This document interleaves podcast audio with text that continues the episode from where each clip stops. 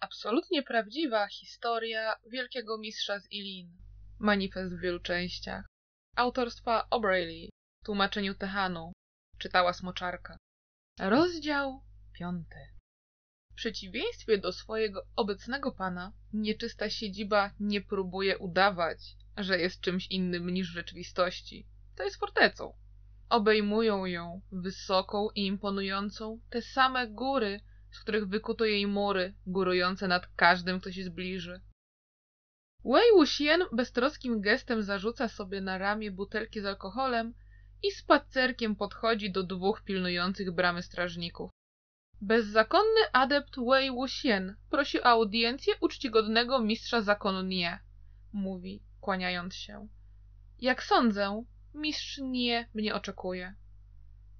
Po raz pierwszy od wyruszenia w drogę przedstawił się prawdziwym nazwiskiem i imieniem, zamiast użyć Wei Wendao, Lan In czy dowolnej innej kombinacji, która mu akurat tego dnia przypadła do gustu.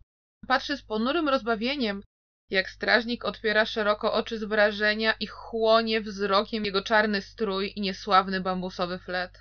Przez chwilę zastanawia się, czy odmówią mu wstępu i jak wytłumaczy się później ze swojego postępowania Lanjanowi. Nie wiem, o co było całe to zamieszanie. Ja się tylko zajmowałem sobą, to jest, grałem sobie na flecie tuż pod bramą, tak na ucho trochę złowrogo. Wei Wuxian! Wykrzykuje jeden ze strażników i twarz rozjarza mu się z ekscytacji, może nawet radości. Mężczyzna kłania się tak gwałtownie, że o mało nie wypuszcza z ręki halabardy. To taki zaszczyt spotkać cię osobiście, pani Chuэй. Wei mruga i zerka na drugiego strażnika, który też prędko składa ukłon. Mm, zaszczyt? Oczywiście. Nie tylko jesteś bohaterem kampanii zestrzelenia słońca, ale też zdemaskowałeś niegodziwości tego potwora Jin Guanyao. Aha. Jak wziąć pod uwagę, jak żarłocznie opinia publiczna pożąda zawsze nowego celu do nienawidzenia, Wei Wuxian zastanawia się czasami, czy ta książka w ogóle była konieczna. Czy w takim razie moglibyście zawiadomić mistrza Nie, że już jestem? Pyta, zanim strażnik zacznie wygłaszać tyradę o pochodzeniu Jin Guanyao. Natychmiast, mówi mężczyzna i daje znak człowiekowi na szczycie muru. Chwilę później słychać trzy uderzenia w bęben, którym odpowiada echo gdzieś w głębi twierdzy. Strażnik odsuwa się na bok, pozwalając mu przejść. Proszę, zaczekaj na dziedzińcu, aż zostaniesz wezwany. Wei Wuxian kłania się z wdzięcznością. Jest w połowie tunelu bramy, kiedy znów słyszy swoje nazwisko. Tak? Pyta i patrzy przez ramię. Gdybyś tak mógł, pani Chuэй, mówi strażnik z lekko zażenowaną miną, wyciągając do niego pokryty już tuszem pędzel i znajomo z wyglądu książkę. Widzisz, moja żona jest prawdziwą fanką książki o tobie i nigdy by mi nie wybaczyła, gdybym nie zdobył twojego autografu. Hmm, to coś nowego. Wei Wuxian powstrzymuje cisnący mu się na usta uśmiech i przyjmuje pędzel. Wielka sala mistrza zakonu Nie nie zmieniła się za bardzo od czasu, kiedy Wei Wuxian był tu ostatnio, chociaż minęło szesnaście lat. Owszem, widać subtelny wpływ Niechłajsana. Kiedy Wei Wuxian idzie ku bogato rzeźbionemu siedzisku, towarzyszą mu powieszone na ścianach obrazy, a surową geometrię sali łagodzą rośliny w donicach i jedwabne parawany. Sam Niechłajsan siedzi z twarzą na wpół zasłoniętą wachlarzem, na którym namalowany został piękny górski pejzaż. Po chwili Wei Wuxian rozpoznaje styl Minjujie. Nic dziwnego, że nie chciała wyjawić nazwiska swojego tajemniczego sponsora. Wei Wuxian kłania się bardzo nisko, prezentując butelki z alkoholem. Wei Wuxian wita mistrza zakonu Nie i zaprasza go na czarkę ze starym przyjacielem, mówi. Nie Huai-san wachluje się i uśmiecha. Skoro jesteśmy starymi przyjaciółmi, Wei-xion, nie musisz się do mnie zwracać tak oficjalnie. Proszę, dodaje i gestem wskazuje niski stolik z boku sali. Są już na nim dwie czarki, kilka niewielkich naczyń z przekąskami i szkarłatna wstążka Wei. Popijając alkohol, rozmawiają o błahostkach. Krążą jeden wokół drugiego jak dwa czujne drapieżniki. Nie San jest teraz na oko spokojniejszy, jakby dorósł do własnej skóry. Wzrok ma pewny, przytomny. Tak mało przypomina tego bezradnego, wiecznie wystraszonego człowieka, którym był w świątyni Guan Ciekawe, myśli Wei Wuxian, jak długo nosił tę maskę i jaka ona musiała być porządna, żeby zmyć kogoś takiego jak Jin Guanyao. A co cię sprowadza aż do Cinchy, Weixion? pyta Niechłej-san. Przecież chyba nie alkohol. Jeśli dobrze pamiętam, zawsze najbardziej lubiłeś uśmiech syna niebios. Eee, ale Cinchy wyraźnie przewodzi teraz sztuce i literaturze, mówił Wei Wuxian. W sumie to całkiem niedawno spotkałem wspaniały zespół malarek. Z rozmysłem spuszcza wzrok na wachlarz, który Niechłaj-san ma w dłoni i widzi, jak Niechłaj-san cofa się odruchowo i minimalnie. Szkoda tylko, że teatry są pozamykane. Ciągnie, jakby nigdy nic.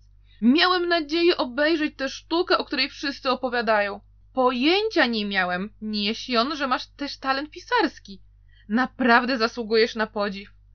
Coś przemyka po twarzy Niechłajsana, ale znika za szybko, żeby Wei Wuxian zdążył to rozszyfrować. Przeceniasz mnie, Weixian, mówi po chwili gospodarz. Byłem tylko sponsorem. Nie mogę sobie rościć pretensji do żadnej części tekstu. Wiesz, że nie znam się na takich rzeczach. Wei Wuxian się uśmiecha. To ty się nie doceniasz, nie Sion. Nachyla się bliżej jak spiskowiec. Pomówmy wprost. Chyba jesteśmy to sobie winni. Co próbujesz osiągnąć? Przecież chyba tytuł dzieła mówi sam za siebie, odpowiada Niechłaj-san. Przywracamy ci dobre imię w społeczności adeptów, mówiąc jak było naprawdę. Nie dbam o moje dobre imię. Ale dbasz o dobre imię Lan Wangji. Niechłaj-san zatrzaskuje wachlarz, a spojrzenie mu się wyostrza, staje przenikliwe, wręcz przebiegłe. Czy to nie dlatego odszedłeś? To jest najważniejszy punkt reguły zakonu Lan. Nie wolno się zadawać ze złem. To dlatego odszedł i nie dlatego. Owszem, Wei Wuxian musiałby przyznać, że bardzo uważa ostatnio, żeby o tym nie myśleć. Ani o tym, jak Lan Zhan na niego patrzył na szczycie tamtego wzgórza na zachodniej granicy Gusu, gdzie się pożegnali. Ale nie poprosił cię, żebyś został. Przypomina mu w głowie cichy, zdradziecki głos. Powiedzmy, że to podziała. Mówi dalej Wei Wuxian, siłą zmuszając się do powrotu myślami do bieżącej rozmowy. Już działa. Coraz więcej adeptów stosuje twoje wynalazki, a nawet eksperymentuje z talizmanami. Oczywiście pomaga także to, że Jian Wan In przestał torturować adeptów sztuki demonicznej. W porządku. Wei Wuxian unosi dłoń w pojednawczym geście. Powiedzmy, że działa. Co ty będziesz z tego miał? Niech San powoli upija łyk alkoholu, zanim odpowie. Mam dług u ciebie i Han Guangjuna za wasz udział w zdemaskowaniu człowieka, który zamordował mojego brata.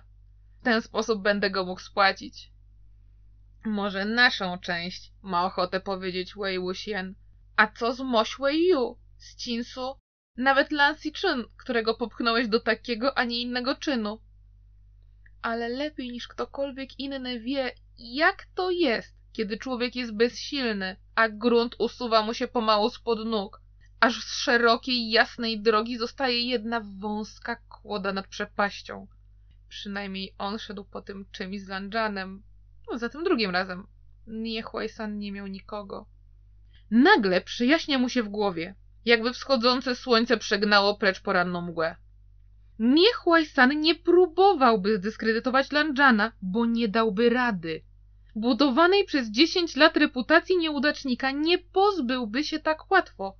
Zwłaszcza, że nie ma już poparcia mistrzów zakonu Jin i Lan.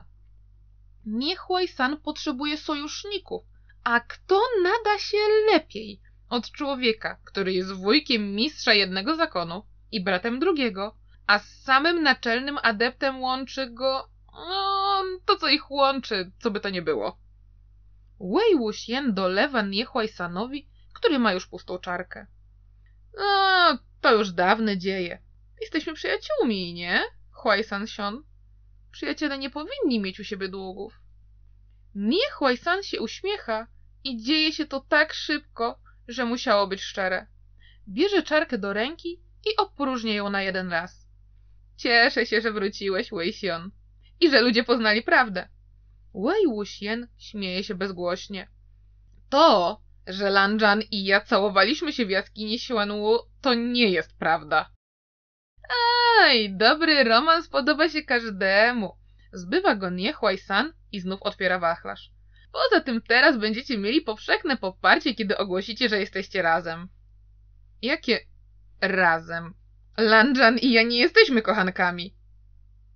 Czarka Niechłaj-sana uderza o blat z głuchym stuknięciem. Co?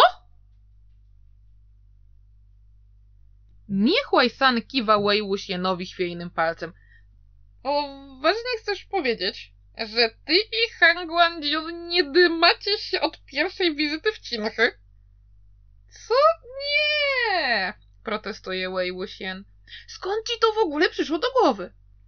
Alkohol przyniesiony przez Wei Wuxiena dawno się skończył, podobnie jak ten, który Niechłaj San kazał donieść z własnych piwnic. A co niby miałem myśleć? Nie było cię u ciebie w pokoju. Nigdzie nie mogliśmy cię znaleźć. Jego zresztą też. Bo już wyleciał, a ja tylko... Wei Wuxian urywa, bo jeśli powie... Ja tylko spałem na dachu jego pawilonu, bo chciałem być blisko niego, ale uznałem, że nie wpuści mnie do środka, to niech Huaysan tylko sobie pomyśli coś głupiego. Mm, coś głupszego. A potem brnie dalej nie Huaysan głośno i z przekonaniem człowieka pijanego. W twierdzy bez nocy. Po walce z Wyn Żłohanem. Lan Wangji siedział u ciebie godzinami. Sam. Codziennie. Nie byliśmy sami. Protestuje zgorszonym tonem Wei Wuxian. Szydzie też tam była. Wcale nie. Wręcz zabroniła wam wchodzić do ciebie do pokoju, póki Lan Wenji tam będzie. Że niby mieliśmy wam nie przeszkadzać w praktyce? Szydzie, co? Czy ona też myślała, że on i Lanjan... Czy to dlatego miała taką rozbawioną minę, kiedy pytał ją, czemu ludzie się zakochują? Nagle Niechłaj-san robi wielkie oczy. Łesion? pyta ściszonym głosem. Ty z nim współpraktykowałeś? Wei Wuxian czuje, jak krew napływa mu do twarzy. Ma wrażenie, że policzki mu się teraz świecą. Oczywiście, że nie! On tylko przychodził pograć na cytrze i pomóc mi odzyskać duchowy spokój. Przecież Lanjan nie może powiedzieć o mnie nie dba, bo wie, że Lanjan darzy go głębokim uczuciem. Nie chce ze mną być, też nie brzmi szczerze. Może nie chce tego, co... A co z tym, jak on przy wszystkich adeptach ogłosił, że jest po twojej stronie? Ciągnie Niechłaj-san, nie zważając na zamęt, który Wei Wuxian ma teraz w głowie. Albo kiedy obronił cię na kruchanach przed setkami kukieł. Albo jak się tuliliście jeden do drugiego, jak byliśmy w świątyni Guanin. Tylko dlatego, że tam był pies. Niechłaj-san chyba nie bardzo może już skupić wzrok, ale i tak widać, że ta odpowiedź go nie przekonuje. Przez cały czas? A jak on cię w ogóle rozpoznał, kiedy wróciłeś? Nie chodziłeś przypadkiem w masce? Nawet Jianuan In nie był na początku pewny, kim jesteś. Zagrałem melodię, którą ułożył. Przyznaje Wei Wuxian i od razu tego żałuje, bo cały wyraz twarzy Niechłajsana łagodnieje, usta mu drżą, a oczy robią się większe i błyszczą. Napisał dla ciebie muzykę? Chyba nie napisał tego specjalnie dla mnie, odpowiada słabo Wei Wuxian. Tylko, że kiedy to zagrał, Lanjan rozpoznał go od razu, co znaczy, że jednak skomponował ten utwór specjalnie z myślą o nim. Nie? Nie, Huaysan znowu ma taką minę, jakby uważał go za głupka. To jak się ta melodia nazywa? Wei Wuxian milknie na chwilę. Ma prawdziwą odpowiedź na końcu języka. Nie wiem, Lanjan nie chciał mi powiedzieć. Wie, że on sam mówi na nią w głowie nasza melodia. Wie, że gra ten utwór wieczorami, kiedy pokój wydaje mu się zbyt pusty, a odległość dzieląca go od Lanjana szarpie go boleśnie za serce. Ale Lanjan nie powiedział mu też, jak go rozpoznał. Powiedział tylko, sam się domyśl. I czekał, wierząc, że Wei Wuxian się domyśli. Może w sprawie tytułu tej melodii też chce, żeby Wei Wuxian sam do tego doszedł. Czeka, aż on do tego dojdzie pewnie już od dawna. Wei Xian, Mówi w końcu Nie Huai-san i Wei Wuxian nie wie, co takiego ma wypisane na twarzy, że Nie Huai-san patrzy na niego z taką litością. mówię to z najlepszymi możliwymi intencjami, ale co ty tu w ogóle robisz? Wei Wuxian opiera głowę o stół i wzdycha. Nie wiem, Huai-san Sion. Naprawdę nie wiem. Sujui jest kilkorgiem innych uczniów przy królikarni, kiedy słyszy, jak Jin I wykrzykuje jego imię. Sujui, mamy duży problem! Pozostali podnoszą głowy, przestraszeni. Ale widząc, że to tylko Jin I, który ma jakiś kryzys dwa razy w miesiącu, szybko wracają do karmienia i pieszczenia królików. Królik, którego Sujui miał na kolanach, jest wyraźnie zły, że został odłożony na ziemię. Sujui wstaje, a zwierzątko tupie na niego tylną łapką, po czym oddala się, kicając i dołącza do pobratymców. Co jest nie tak? Pyta Sujui, kiedy Jin do nich podbiega. Nikt go za to nie strofuje. Nawet mistrz Lan Cizun się poddał i nie próbuje go już nauczyć, że się nie biega. Wszystko! Stwierdza Jini i odciąga Sujueya do bardziej osłoniętego miejsca w bambusowym lesie. Nasza książka odniosła ogromny sukces. Sujui nie jest pewny, od kiedy to jest ich książka, ale postanawia się tym na razie nie zajmować i skupia się na tym, co najpilniejsze. To chyba dobrze. Tak, ale nie o to chodzi, odpowiada Jimmy i słychać, że to nie jest teraz dla niego ważne. Wyciąga z rękawa jakiś papier i podtyka go Sujueyowi. Przeczytaj ten list. List jest od Jinlina, który pisze, że dowiedział się od wieśniaków, że Wei Tianbei jest w Unmen i powiedział o tym wujkowi w nadziei, że sobie w końcu pogadają. Wygląda na to, że mistrz Jian rzeczywiście poszedł się spotkać z Wei Tianbei. Do konfrontacji doszło w teatrze, a jej rezultat nie był całkiem jasny. Wei Tianbei był w teatrze. Pyta Sujui, podnosząc głowę z nadlistu. Jini kiwa głową. To znaczy, że na pewno widział naszą sztukę. Trupa wędruje akurat po Nmen, ale to było kilka tygodni temu. Podróż z Nmen do Gusu faktycznie zajmuje kilka tygodni, więc to żadna niespodzianka, że go nie ma. Ale przecież chyba dałby znać, że jest w drodze. Wiemy, gdzie teraz jest? Nie, i to na tym polega problem. Jin ich pyta Sejue za nadgarstki. W oczach ma szczere błaganie. Musisz porozmawiać z Han Guangjunem. Jesteś jego synem, więc... Czemu jestem jego synem tylko wtedy, jak chcesz, żebym z nim pogadał? Może go przekonasz, żeby ruszył szukać Wei Tianbei. A co jeśli uprowadziły go jakieś nikczemne zbiry? Albo dotknęła straszna klątwa? Sujue jest prawie pewny, że wszelkie nikczemne zbiry, które napotkają na swojej drodze Wei Tianbei, będą mieć z tego powodu więcej zmartwień niż on. Ale też wie z doświadczenia, że kiedy Jini się uprze, nie warto z nim dyskutować. Wzdycha. No dobrze, porozmawiam z nim. Idzie do Jinszy.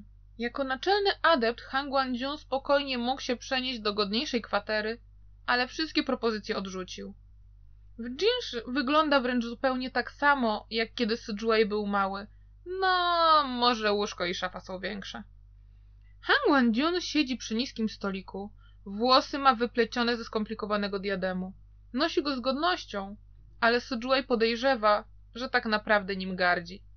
Coś czyta, chyba list, chociaż odkłada go i podnosi wzrok, kiedy Sujui puka we framugę.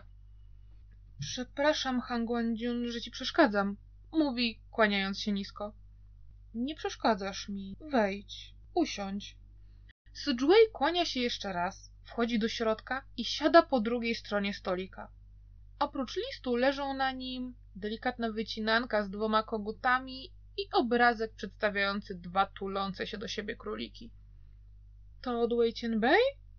Tak, przyszły dzisiaj. Czyli nie został uprowadzony ani przeklęty. Ginny odetchnie z ulgą. Wiesz, gdzie on jest? W Cinhe. Sujuei marszczy brwi.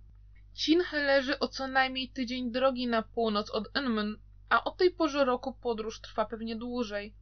Przecież chyba Wei Bei nie wybrałby tej drogi, nawet gdyby chciał wrócić do Gusu okrężną trasą.